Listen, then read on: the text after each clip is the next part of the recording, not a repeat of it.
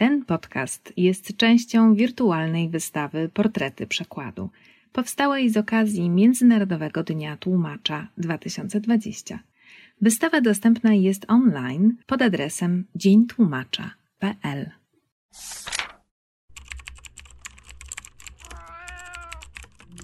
Na przykład podcast Stowarzyszenia Tłumaczy Literatury.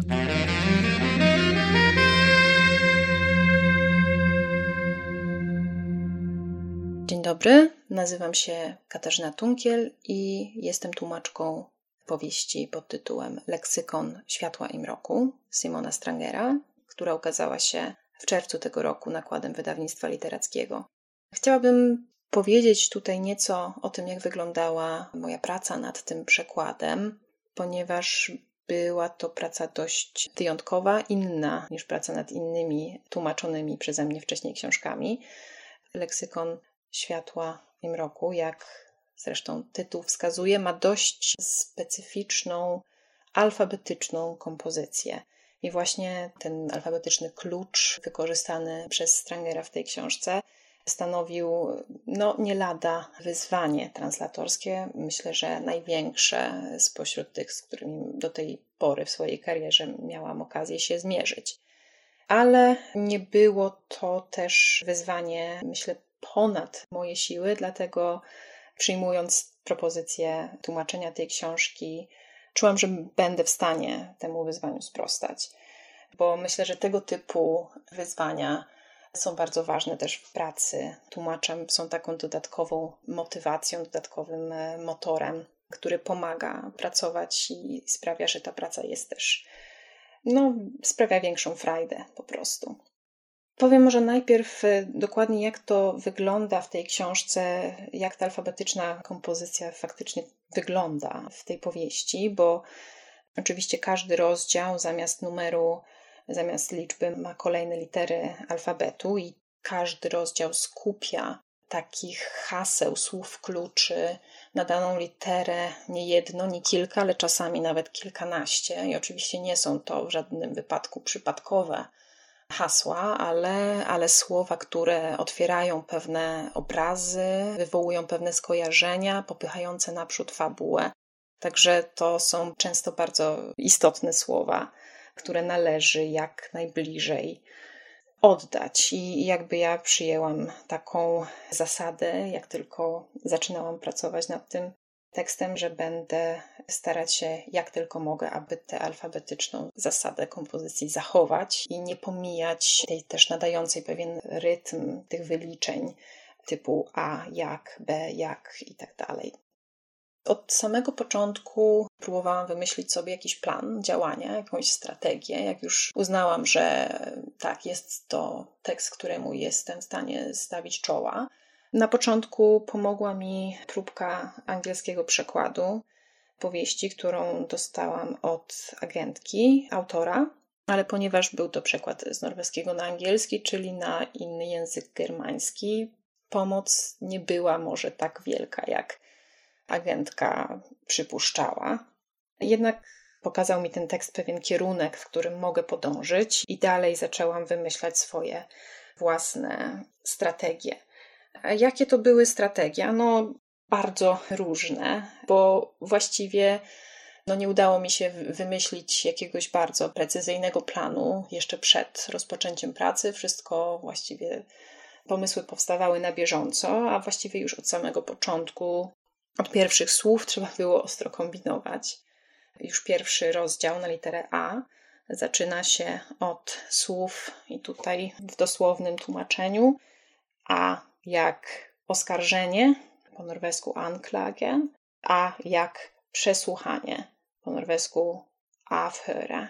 Później mamy łatwiej, bo mamy a jak aresztowanie, czyli słowo, które po norwesku i po polsku ma ten sam źródłosłów, brzmi prawie tak samo, także tutaj był taki miły zbieg okoliczności. I co ciekawe, takich pozytywnych niespodzianek było całkiem sporo, więcej niż się początkowo spodziewałam. Czyli słowa o wspólnym y, właśnie źródłosłowie, nazwy własne, albo po prostu słowa, które zupełnie przypadkiem pomimo różnic językowych, zaczynają się na tę samą literę po polsku i norwesku. Także tych słów była pewna grupa i one zawsze były przeze mnie witane z, z wielkim uśmiechem i ulgą, ale w wielu przypadkach trzeba było być bardziej kreatywnym. Także jakie te strategie przyjęłam? Przede wszystkim szukałam oczywiście synonimów, ale to często nie prowadziło zbyt daleko.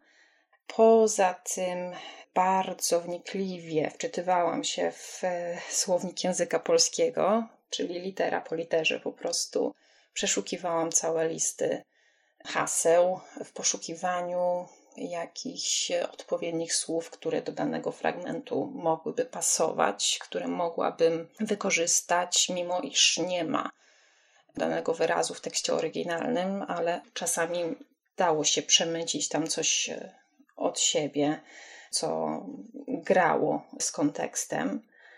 Strategia, którą dosyć często wykorzystywałam, i to jest też ta strategia, którą zasugerowała mi ta angielska próbka, to skupienie na innym, alternatywnym haśle, alternatywnym słowie kluczu, które, mimo że nie jest wyeksponowane w ten sam sposób w oryginale, to jednak pojawia się w najbliższym sąsiedztwie, na przykład w obrębie tego samego zdania albo jakiegoś dłuższego fragmentu.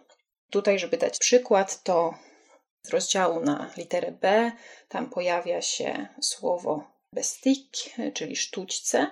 I tutaj znów bardzo przyjemnym zbiegiem okoliczności w tym samym zdaniu jest napisane, że te sztućce brzęczą, co jest oczywiście idealnym powodem, by tym eksponowanym hasłem stał się brzęk sztućców zamiast samych sztućców.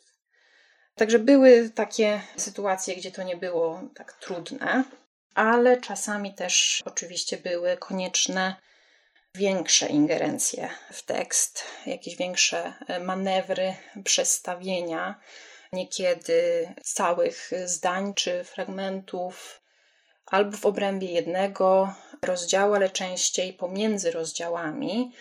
I to też różnie wyglądało, bo czasami niektóre fragmenty, jeśli one nie były jakoś ściśle związane narracyjnie czy fabularnie z danym kontekstem, szerszym kontekstem, można było troszkę bardziej bezkarnie, powiedzmy, przenieść w inne miejsce, ale często jednak musiałam też oczywiście brać pod uwagę szerszy kontekst fabularny, który sprawiał, że takie roszady, jakieś manewry nie były możliwe na dłuższą metę albo były bardzo ograniczone. I tu oczywiście zaznaczę, że wszelkie zmiany, wszelkie ingerencje w tekst, których się dopuściłam podczas pracy nad tym przykładem, konsultowałam z autorem, który zresztą, jak to często z norweskimi autorami bywa, był bardzo otwarty i, i pozytywnie nastawiony i bardzo chętnie przyjmował ode mnie wszelkie pytania, rozwiewał wątpliwości, nawet w pewnym momencie też dopisywał jakiś alternatywny tekst. Natomiast wszystkie rozwiązania, które ja wymyśliłam, wszystkie zmiany w stosunku do oryginalnego tekstu zebrałam w takie tabele, listy, które przysłałam Simonowi Strangerowi i które on zaakceptował. Także jestem mu za to bardzo wdzięczna, bo bez tego na pewno byłoby dużo, dużo trudniej pracować. Ostatni może przykład, który podam, takiej większej ingerencji w tekst, gdzie trzeba było poprzesuwać większe partie tekstu, to są litery. Pod koniec książki pojawiają się właśnie takie rozdziały, litery, które wymagały takich większych przesunięć. I tutaj dobrym przykładem jest V, które w norweskiej wersji zawiera, policzyłam tutaj, aż 12 haseł słów kluczy.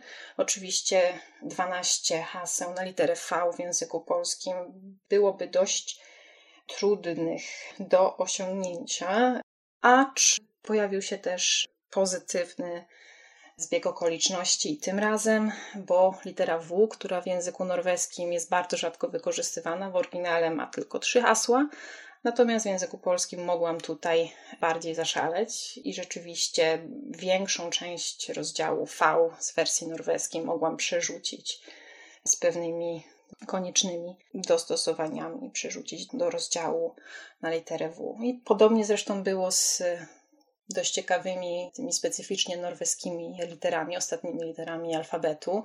które nie występują w alfabecie polskim. Tam też poradziłam sobie troszkę takimi zmianami miejsca, przerzucaniem tekstu między rozdziałami, ale też wykorzystałam to, że w polskim alfabecie mamy również dodatkowe litery, przynajmniej jedną z nich, która na końcu wykorzystałam, czyli rzet. To, jest ostatni rozdział w powieści. I całkiem fajnie się udało to powiązać, jakby wykorzystać te hasła, które w oryginale są na literę O, czyli ostatnią literę norweskiego alfabetu. Na koniec mogę tylko powiedzieć, że mam nadzieję, że te moje pomysły, te rozwiązania nie sprawiły, że leksykon stał się inną książką i że będzie równie fascynującą lekturą dla polskiego czytelnika, jaką jest dla czytelnika norweskiego. Wysłuchali Państwo na przykład podcastu Stowarzyszenia Tłumaczy Literatury.